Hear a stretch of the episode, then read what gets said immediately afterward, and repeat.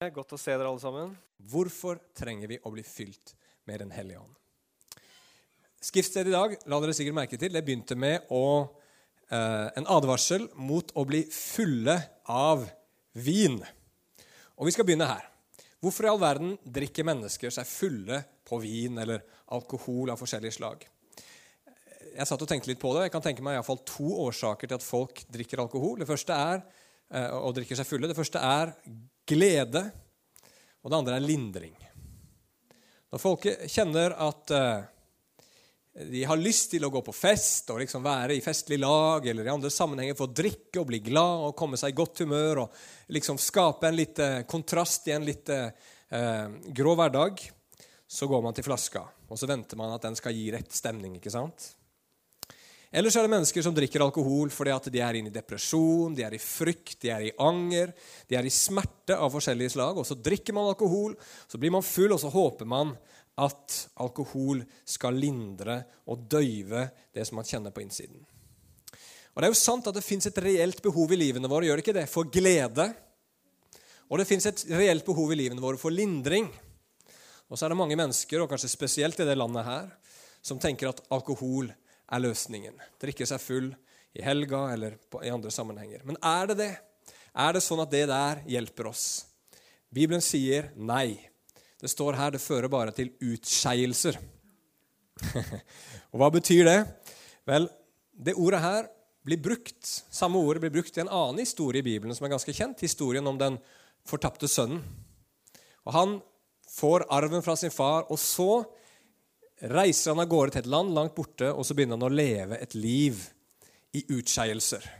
Et liv eh, hvor han sløser bort farens arv. Og Det er liksom det ordet som blir brukt der. Han lever i utskeielser. Og hvordan ender han opp? Jo, han ender opp i grisebingen. Alkohol kan kanskje gi en midlertidig glede. Det kan gi en midlertidig lindring, men du ender alltid opp i grisebingen etterpå. Man gjør ting man ikke ville eller ikke burde ha gjort. Og så, når man våkner opp neste dag, så er man enda mer miserabel enn før.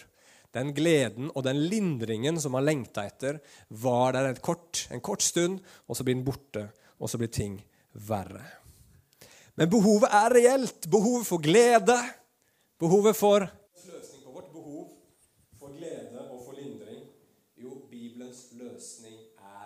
kristendom. Det er ikke det ordet som kanskje skaper mest glede og lindring, sånn umiddelbart, men la meg fortelle dere en hemmelighet. Ekte kristendom, sånn som den blir beskrevet i Bibelen, er en tro som gjør noe med følelsene dine. Den gir reelle følelser av glede og av trøst. Det er en tro som påvirker det indre i deg som menneske. Bibelen sier at Gud kan erfares, og det fins enormt mange eksempler på det fra Bibelen. Jeg har tatt et par her. Salme 34, vers 9, f.eks. Der står det 'Smak og se at Herren er god'. Salig er den som tar sin tilflukt til ham. Eller i 1. Peter 1, vers 8. Selv om dere ikke har sett ham, elsker dere ham. Selv om dere nå ikke ser ham, tror dere likevel på ham, og dere fryder dere med en usigelig glede, full av herlighet. Å være kristen er noe mye mer enn å tro at noe er sant, og tro på noen teoretiske sannheter som man mener er virkelige. Det er en del av kristenlivet selvsagt å tro på teorien og tro at noe er sant, men det er også Kristen tro er også å smake Guds godhet. Å være salig og fryde seg med en usigelig glede, som det står her i 1. Peters brev. Kristen tro skal også føles. Vent nå litt, ikke sant? Det er alltid noen som sier det. Ja, men hva med svermeriet? ikke sant? Vi kan ikke la oss lede av og bygge på følelser. Vi vil ikke ha sånne jojo-kristne som går opp og ned med følelsene sine. Og vi vil ikke være det selv heller. Og det er helt sant. Vi skal ikke bygge vår kristne tro på følelser. Den bygges ikke på hvordan jeg føler, om jeg føler meg elska av Gud i dag, eller om jeg føler glede ved min frelse i dag. Kristen tro bygger ikke på det. Den bygger på fakta. Den bygger på realiteter. Den bygger på ting som Gud allerede har gjort. Den bygger på en Gud som faktisk eksisterer, og den bygger på reelle løfter som Gud har gitt, og som han kommer til å holde.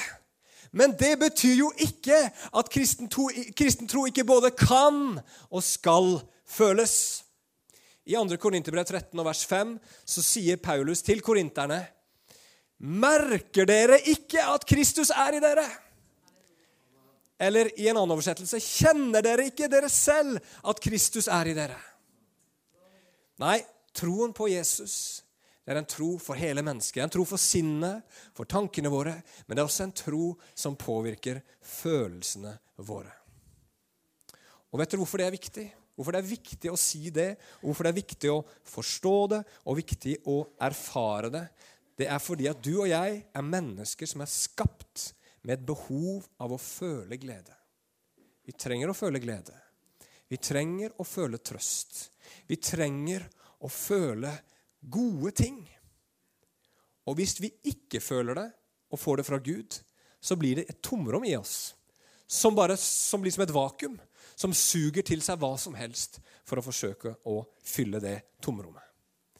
Og det fantastiske eh, med Gud, det er at han vil fylle det. Og hvis ikke han fyller det, så er det andre ting som mat man kan bruke for å kjenne glede. Jeg hørte en fyr, jeg husker ikke hvem det var, men han sa til meg det fins ingenting vanskelig man møter i livet som ikke kan kureres med en god porsjon iskrem. Jeg tviler på at han hadde hatt så veldig store utfordringer i livet sitt. Men vi fyller livet vårt med forskjellige ting. For det vi trenger, vi må føle glede. Derfor så kommer alkoholen inn. Derfor så er det veldig mange av oss som fyller livene våre med underholdning. Ikke sant? TV-en står på, Internett står på kjærlighetsrelasjoner av og på, sex utenfor ekteskapet, ekstrem sport, kjøpe nye ting hele tiden. Hvorfor driver vi på med alle disse tingene? Noen ting er ikke gale i seg selv, noen ting er gale i seg selv, noen ting er ikke gale i seg selv, men vi gjør det fordi vi trenger å føle glede. Vi gjør det fordi vi trenger å føle trøst. Noen mennesker når de blir triste, spiser is. Andre går på en shoppingtur. Andre gjør et eller annet annet. Men vi trenger når livet er tungt, og kjenner glede. Vi trenger trøst, og det behovet går ikke bort. Løsningen er å la Gud få fylle det. Og derfor har Gud gitt oss Den hellige ånd. Den hellige ånd er Gud kommet ifra himmelen ned på jorden, inn i våre hjerter. For at den troen vi har, for at de sannheter som denne boka her snakker om, skal bli så virkelige og levende for oss at det påvirker følelseslivet vårt. At det bygger glede, og det skaper trøst og liv på innsiden. Amen. Åh. Takk, Gud. Og da står det her, det verset som vi nettopp har lest eh, fra Efeserbrevet, at når det skjer at Den hellige ånd fyller oss, når Den hellige ånd kommer og åpenbarer Jesus for oss, så hva skjer med oss da? Jo, det står her at vi begynner å synge og spille for Herren i våre hjerter. Du begynner å nynne på innsiden. Når Den hellige ånd fyller deg, så blir troen et eller annet som blir levende på en sånn måte at det blir en sang av det. Å, du gleder deg. Du bare kjenner at du vil nynne til Guds pris. Og så begynner man å bli takknemlig for alt, står det her. Takk for livet, liksom. Takk for Jesus. Takk for brødskiva mi med leverpostei. Og til og med takk for den plagsomme naboen min. Takk for utfordringen og vanskeligheten i livet mitt. For du bruker det hele veien for å bringe meg nærmere deg. Da fylles tomrommet opp på innsiden. Og det blir ikke bare en sånn innadvendt glede som jeg kjenner på innsiden. Det står her at vi begynner å tale til hverandre. Med sang, salmer og sanger og åndelige viser. Vi begynner å bygge hverandre opp. Vi deler dette med andre, den glede som er på innsiden, og som kommer ut. Tror, dette, tror dere at dette er noe vi trenger? Det er klart Noen blir alltid litt skeptiske, spesielt kanskje i Norge, når vi snakker om dette her. At man kan gå i en grøft. ikke sant? At det blir for voldsomt. At det blir for mye liksom, fokus på følelser og for mye følelsesuttrykk. Og folk liksom føler at det blir for mye av det gode. Og det er klart det fins en grøft der. Jeg vet ikke om vi er altfor nærme den grøfta her på Betel. Og det er helt greit. Altså Poenget er ikke at liksom lydnivået skal være høyt eller følelsesuttrykkene skal være store. Poenget er at Den hellige ånd skal få komme til, gjøre sitt verk i livene våre og forandre dem og fylle tomrommet på innsiden. Det er målet. Målet er ikke et spesielt lydnivå. Det er ikke sånn at vi sitter her med en desibelmåler, og når vi kommer over 100 desibel, da halleluja, da er Den hellige ånd her. ikke sant? Det er ikke det som er poenget, men vi er ute etter fruktene av det. Vi er ute etter at Den hellige ånd får gjøre det han vil i livene våre. Så vi må bli fylt med Ånden, sier Bibelen. Vi trenger det. Vi trenger at den troen vi har, berører følelseslivet vårt og fyller dette behovet vi har på innsiden. Så hvordan Oi sann. Hva er det, da? La oss svare på det først. Hva i all verden er det? Det er et ord som, som, som brukes mye i Bibelen, og blir fylt med Ånden. Det fins andre ord som brukes både i Det gamle og Nye testamentet. Ord som at Den hellige ånd kommer over mennesker. Den hellige ånd faller på mennesker. Den hellige ånd døper mennesker. Alt dette her er uttrykk gjennom hele Bibelen som handler om at Den hellige ånd kommer og fyller mennesker. Dette her finner vi fra første Mosebok, nærmest. I hvert fall så finner vi fra begynnelsen av Bibelen at Den hellige ånd fyller mennesker, og gjennom hele Bibelen. Men hva er det egentlig å bli fylt med Ånden? Hva er det vi snakker om når vi sier dette her? For det første så må vi ikke forveksle det med det å ha Den hellige ånd eller å være født av Ånden. Bibelen snakker om at for å bli en kristen så er du avhengig av at Den hellige ånd kommer inn og føder deg på nytt. Gjør deg til en ny skapning, gjør deg til et nytt menneske, gjør deg til et barn av Gud, lar deg gå fra mørke til lys på innsiden, gir deg, som Bibelen sier, et nytt hjerte, tar ut steinhjertet, gir deg et bankende, levende hjerte på innsiden. Det er noe som Den hellige ånd gjør i hjertene våre, og ingen kan se Guds rike hvis ikke de blir født av Ånden. Og er du en kristen, bekjenner du Jesus som Herre, har du fått en levende tro på innsiden, så er Den hellige ånd allerede inni deg. For det hadde vært umulig for deg å ha en levende tro hvis ikke det kom ifra Den hellige ånd. Det er han som gjør det. Så alle sanne kristne er født av Ånden og har Den hellige ånd. Men så snakker Bibelen om noe mer. Og det er nettopp det Paulus er inne på her. Han vet jo at disse kristne i Efesus har Den hellige ånd. Men de trenger også å bli fylt med Ånden. Og hva i all verden er det? Og det ligger på en måte litt i ordet dåp, bli fylt, at Den hellige ånd faller over, kommer over. Det er et eller annet hvor Den hellige ånd sitt nærvær fyller hele deg som person. Din kropp, dine tanker, ditt sinn, din sjel, din intelligens og dine følelser. Alt du er som menneske, blir gjennomsyra og fylt på en bestemt måte av Den hellige ånds nærvær. Og Vi kan si kanskje på en annen måte at det er å få en smak av himmelen. For hva er himmelen? Veldig ofte så tenker vi at himmelen det er et nærvær av det onde. Nei, et fravær av det onde, mener jeg. Uff, nå ble det helt feil her. Fravær av det onde. Ikke sant? Ikke noe smerte, ikke noe sorg, ikke noe død. Og det er sant, alt det der kommer til å være vekke i himmelen. Men det som er det beste med himmelen, og det som er hele poenget med himmelen, det er at det kommer til å være et nærvær der. Og det nærværet er av Gud et nærvær av Gud. Og han skal være alt i alle i evigheten sammen med Gud. Og det er jo nettopp det du opplever når Den hellige ånd kommer og fyller deg. Det er et nærvær av Gud som gjennomsyrer deg, som fyller alt i deg. Det er en forsmak på den kommende verdens krefter. Det er Gud som kommer nær i og gjennom deg. Og det høres jo bra ut. Og Dette her er noe som kristne kan oppleve mange ganger ser vi i Bibelen. Og Det er det Paulus sier her. Bli fylt av Ånden. Når det står 'bli stadig fylt av Ånden', kan man oversette det. Men så er det én gang som må være den første. Og den gangen er litt spesiell. Og Den pleier vi ofte å kalle for åndsdåp. Og Peter han opplevde en gang han var en, hos en gruppe eh, ikke-jøder, hos en som het Kornelius at han forkynte Guds ord for dem, og så falt Den hellige ånd på dem mens han talte. Han hadde ikke gjort noen ting, Den hellige ånd bare falt på dem, og de begynte å tale i tunger, står det, og de priste Gud. Og Etterpå, når han fortalte det til andre kristne, så sa han Den hellige ånd falt på dem slik den gjorde med oss i begynnelsen. Og vi vet fra apostlenes gjerninger når vi leser Bibelen, at Den hellige ånd hadde falt eh, og fylt Peter i hvert fall én gang i mellomtiden. Sikkert flere ganger òg. Men det var noe spesielt med den begynnelsen. Det var noe spesielt med da det skjedde for første gang. Det kaller vi for åndsdåp, når Den hellige ånd kommer over oss for første gang. Og Det som skjer da, det er at det blir en merkbar forskjell i livet ditt. Det er noe nytt som begynner, og det forandrer deg. Og Min personlige erfaring er nettopp at det er der i hvert fall ett punkt hvor det skjer en viktig forandring i ditt kristne liv. Jeg var 18 år gammel da jeg ble fylt med Ånden. Jeg hadde ikke forventa det. Noen ba for meg. Den hellige ånd kom over. Jeg merka en kraft i livet mitt. Og etterpå det så var jeg så overbevist om Guds eksistens. Jeg visste Gud fantes. Og det hadde begynt et eller annet i livet mitt som gjorde at nå, nå, nå vil jeg ikke være flau eller skamme meg over troen min lenger. Nå vil jeg stå for det jeg tror på, på skolen og for vennene mine. Og så begynte jeg en, på en retning i livet mitt for nå ville jeg følge Gud. Men det var Den hellige ånd første gang den fylte meg, som skapte den frukten i livet mitt. Så i all verden Hvordan ser man da, hvordan merker man at man har blitt åndsfylt?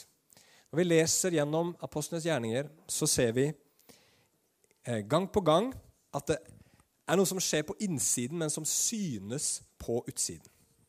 Hva er tegnet? Vel, første gang det skjer, Apostlenes gjerninger 2, på pinsedagen, så taler de alle i tunger. Så går de ut og forkynner om Jesus. Andre gangen det skjer, det var i Samaria, en, eh, en, et område utenfor, eh, eller nord for Jerusalem, hvor det var en del samaritanere, sånne halvjødiske folk. De blir også fylt ved, ånden ved at apostlene legger hendene på dem. Og da står det ikke noe spesifikt annet enn at de som så på, kunne se at det ble fylt med ånden. Altså var det et eller annet på utsiden som gjorde det synlig for menneskene rundt at de gikk fra ikke være fylt med ånden til å bli fylt med ånden. Så kommer vi videre til apostlenes gjerninger 10. og Der er han Kornelius, som jeg nettopp snakka om. Og Der står det at når de ble fylt med ånden, så talte de med tunger, og så lovpriste de Gud.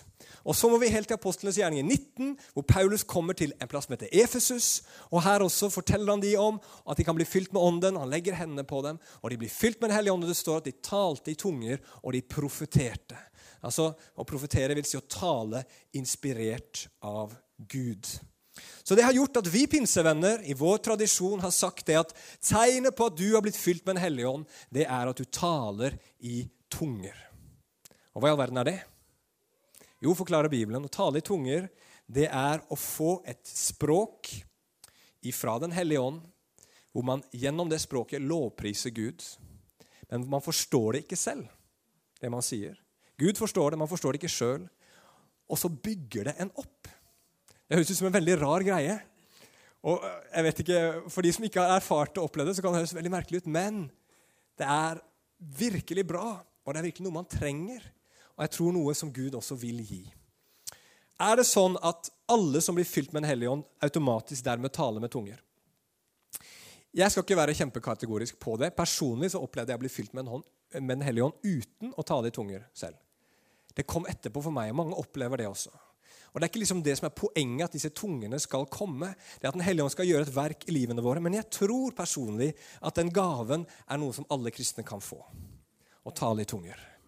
Og En av grunnene til at jeg tror det, er at Paulus nettopp sier det i 1. Korinterbrev 14. Jeg vil at dere alle taler i tunger. Hvis Paulus vil det, så må det være mulig, tenker jeg. Så den gaven tror jeg at, at Gud vil gi. Hva er det? Og, og, og, jeg tror denne gaven og oppdagelsen av denne gaven og oppdagelsen av Den hellige ånds kraft er det som har drevet vår bevegelse. Pinsebevegelsen, som består av over 600 millioner mennesker på denne kloden her i dag. Hvor mennesker er samla, og når de kommer sammen, så blir de fylt av Den hellige ånd. Og så opplever mange å få den gaven og tale i tunger, og det skjer mirakler, og det skjer helbredelser, og det skjer mange ting. Men det begynte med at noen sa vi vil bli fylt med Den hellige ånd. Og de begynte å søke det, og de erfarte det, og de fikk denne gaven å tale i tunger. Og Så blir noen litt skeptiske og litt usikre og litt redde i forhold til hele greia. og jeg skjønner det, For det har vært mye rart. Det skal vi ikke se bort ifra. Og det har vært overdrivelser. Det skal vi heller ikke underdrive. Og når det er sånn, så kan folk liksom fort forkaste hele greia. Men det fins noe som er bibelsk, fins noe som er bra, og det fins noe som bærer gode frukter i våre liv. Og Den hellige ånd han er ikke en som kommer og så tar over kontrollen. Han hacker seg ikke inn i systemet ditt og tar over alt, og du plutselig bare blir en sånn dukke som Den hellige ånd styrer, og som må gjøre masse rare, snåle ting. Nei, Den hellige ånd lar deg ha kontrollen hele veien. men han kommer over deg og fyller deg med sitt nærvær. Og så får du ord ifra Ånden som du selv må tale. Han tar ikke over munnen din heller. Det er du som taler når du taler i tunger, dette språket. Men det kommer fra Den hellige ånd. Og Den hellige ånd kommer aldri på en skremmende eller ubehagelig måte. Han er en gentleman. Han kommer på forskjellig vis til forskjellige personer, nettopp fordi vi har forskjellige personligheter og forskjellige grenser i livene våre. Han kommer sånn som du trenger det, og sånn som du kan være komfortabel med. Men han kommer! Amen. Og hvordan skjer dette her?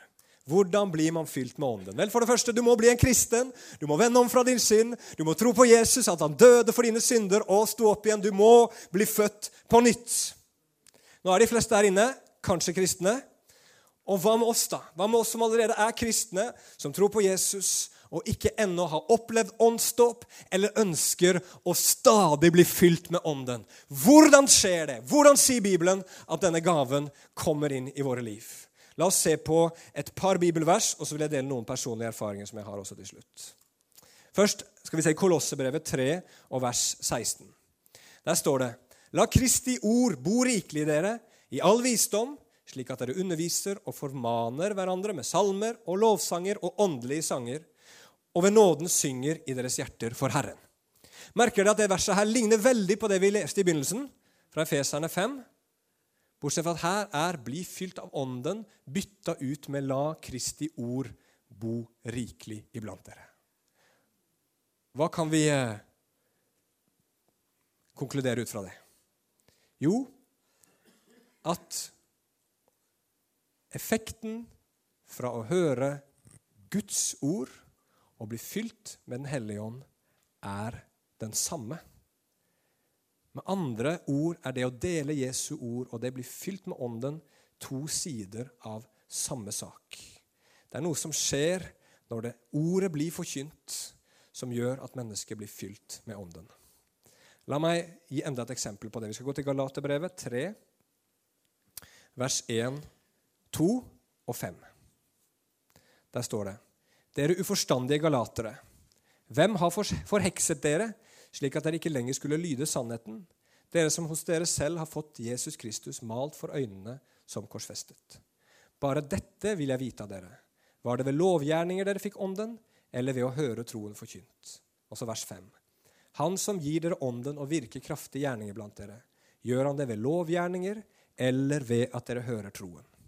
Disse galaterne hadde blitt frelst gjennom Paulus sin tjeneste, og de hadde fått oppleve Den hellige ånds kraft.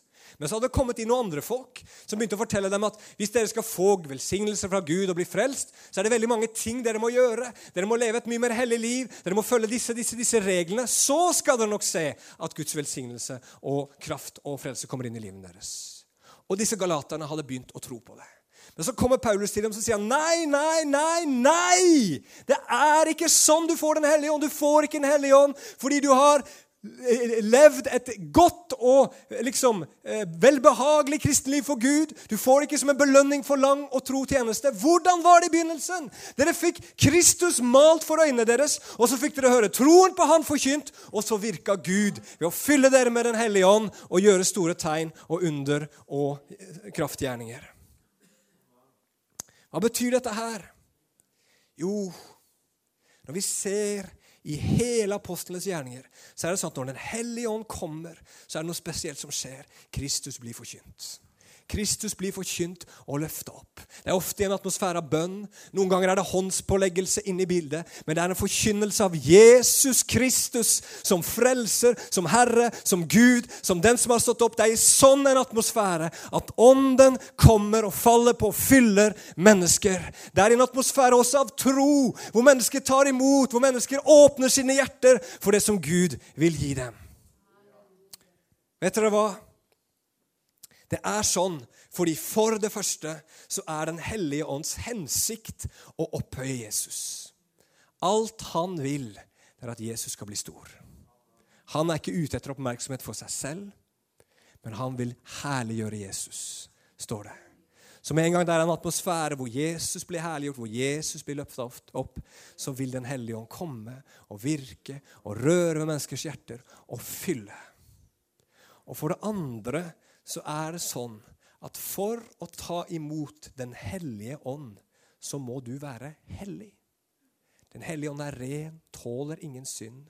Men det eneste som kan gjøre oss så hellige og så rene at vi kan få ta imot Den hellige ånd, det er Jesus. Og hans død og hans oppstandelse. Det er hans blod. Det er ikke din egen helliggjørelse, det er ikke dine egne prestasjoner. Det er ikke det at du selv føler at du har en ganske god uke bak deg. Og nå tenker nå, Gud, nå fortjener jeg vel Den hellige ånd. Nei, ingen av oss fortjener Den hellige ånd. Men alle sammen får bli født på nytt av Den hellige ånd og bli fylt ved Den hellige ånd ene og alene med det som Jesus har gjort på korset. Og jeg har en veldig konkret erfaring rundt det. Jeg, for et par år tilbake så så eh, oppdaga jeg at en kjær bror av meg han var borti en del synd i livet sitt. Og Da jeg ble oppmerksom på det, så, er det sånn du tenker åh, skal jeg si noe, skal jeg snakke med han? Men så tenkte jeg jo, jeg må gjøre det. Jeg er glad i han, jeg vil det beste, jeg prater med han. Så tok jeg en prat med han, og, eh, og heldigvis så gikk det bra. Han kjente yes, du har rett, dette her er ikke bra, dette må jeg vende meg om fra i livet mitt. Og så begynte vi å be sammen. Og mens vi ba, så bare kom Den hellige ånd over ham, og han, å, han ble fylt med ånden. Han begynte å tale i tunger. Han har nettopp, om, nettopp omvendt seg fra synd i livet sitt. Nettopp liksom kommet ut av grisebingen til Jesus. Og så ble han fylt med Den hellige ånd med en gang. Han hadde ikke liksom gått gjennom en lang prosess av helliggjørelse. Han hadde ikke levd et veldig sterkt liv med Gud før det, men det var bare Guds nåde. Og Sånn er det for oss alle sammen. Det er bare ved Guds nåde at vi kan bli fylt ved Den hellige ånd. Jesu blod er nok. Jesu blod er nok. Og så må du og jeg bare stole på det. Tro enkelt på at sånn er det. Det Jesus har gjort, åpner veien for at Den hellige ånd kan fylle meg også. Eh, og det kan fort være litt komplisert. En annen historie. Jeg hadde en ung mann som kom til meg. Han hadde nettopp blitt kristen eh, og, og, eh, og ville og ville bli fylt med Den hellige ånd. Så vi satte oss ned og vi begynte å be og be, og vi ba, og ba, og svetten begynte å renne, og ingenting skjedde. Sånn som det skjer noen ganger. Så stoppa jeg opp og sa du vet du hva, jeg tror vi bare stopper nå, og så skal jeg gi deg noen bibelvers du kan lese. Eh, disse bibelversene var selvsagt om Den hellige ånd og løfter om at Gud vil gi oss Den hellige ånd. Og Så kan du lese de gjennom en hel uke. Så kommer vi tilbake her neste torsdag, eller når det var for noe, og så ber vi sammen igjen, og da skal du bli fylt med Den hellige ånd. Og Han sa ok.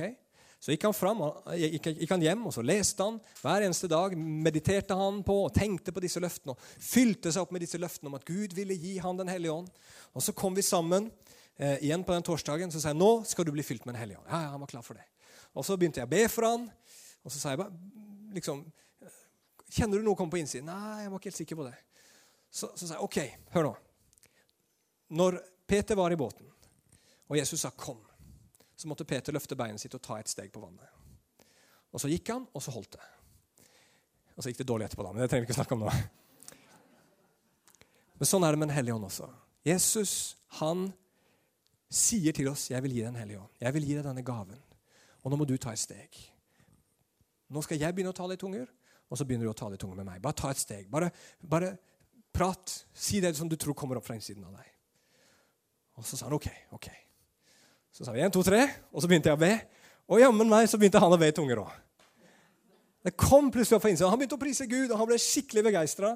Og denne unge mannen her, han er, eh, han er, eh, brennende for Jesus nå, leder et studentarbeid i Sveits faktisk i dag. Og, og, og, og, mye av det ligger nok bare i at han ble fylt med Den hellige ånd på det øyeblikket der. Det tidspunktet der. Og det kom fra en som ikke fikk det helt til, men så leste han Bibelen. Han ble full av tro, og så ga jeg han det siste pushet. Så dette her vil Gud gi deg, bare ta steg ut. Så kom det. Og så ble han fylt med Den hellige ånd. Og så merka han velsignelsen i sitt liv.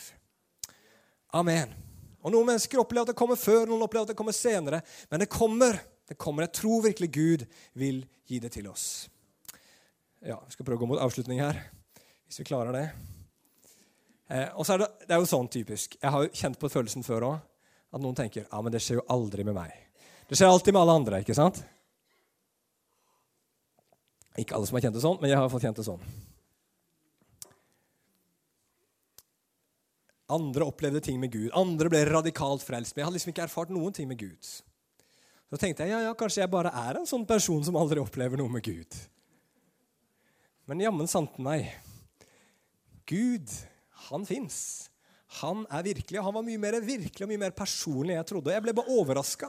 Jeg ble totalt overraska av hvordan Den hellige ånd var. Jeg var på en leir, og, og, og folk snakka om Den hellige ånd. og Jeg liksom begynte å kjenne på et eller annet. og tenkte, ok, ja, men kanskje dette her er liksom greia. At jeg kjenner litt sånn små følelser sånn når vi er på møtene. Men da Den hellige ånd kom i mitt liv, så var det liksom langt utover det jeg hadde forventa. Og jeg ble dypt overraska og dypt takknemlig, som jeg sa i stad. Og det gjorde ting i livet mitt. Men Gud vil virkelig gi oss Den hellige ånd. Og I Lukas 11 skal vi bare lese de versene mot avslutningen her, så står det veldig klart at Gud vil gjøre det.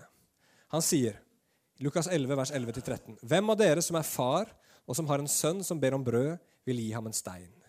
Eller om han ber om en fisk, vil han gi ham en slange istedenfor fisken? Eller om han ber om et egg, vil han da by ham en skorpion?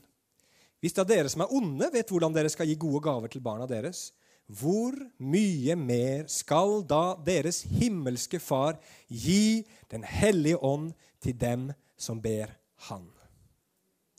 Gud vil. Gud vil gi Den hellige ånd til hver den som ber ham. Tro han, stol på han, og ta imot i enkel tro. Og for det andre, vi trenger dette. Vi trenger dette. Vi må ta det på alvor at vi trenger dette, for ellers så er vi sånn laga og skrudd sammen at vi begynner å søke vår glede i andre ting. Men vi trenger Den hellige ånd. Trenger hans fylde, trenger hans kraft i våre liv. Og Vi skal gi mulighet til å bli bedt for dette her i dag, men før det så skal vi ta nattverd sammen. Og Jeg har bare lyst at dere skal se noe som vi skal eh, grunne på, som jeg håper dere kan la fylle deres hjerte, som skal stå på skjermen her nå mens vi går til nattverd sammen. Og Der står det dette her om Jesu død på korset. Kristus det er Galaterbrevet 3, 13-14. Kristus har kjøpt oss fri fra lovens forbannelse. Idet han ble en forbannelse for oss. For det står skrevet, forbannet er hver den som henger på et tre. Hva var hensikten med at Jesus ble en forbannelse for oss? Jo, i vers 14. For at Abrahams velsignelse skulle komme til hedningefolkene i Kristus Jesus. Og hva i all verden er Abrahams velsignelse? Jo, for at vi ved troen kunne få ånden som det var gitt løfte om. Jesus døde for at vi skulle komme til Gud. Jesus døde for at ånden skulle komme og bo i oss. Det var hensikten. Det var ikke bare for å få oss til en plass uten smerte, men det var for å få oss til et sted hvor Gud kunne bo i oss. Det er hele hensikten med Jesus sin død på korset. Det er ikke bare å ta bort synder så vi ikke skulle bli dømt, men det var for å få noe som er enda mye herligere enn å bli frikjent for den levende Gud på innsiden. I Jesu navn.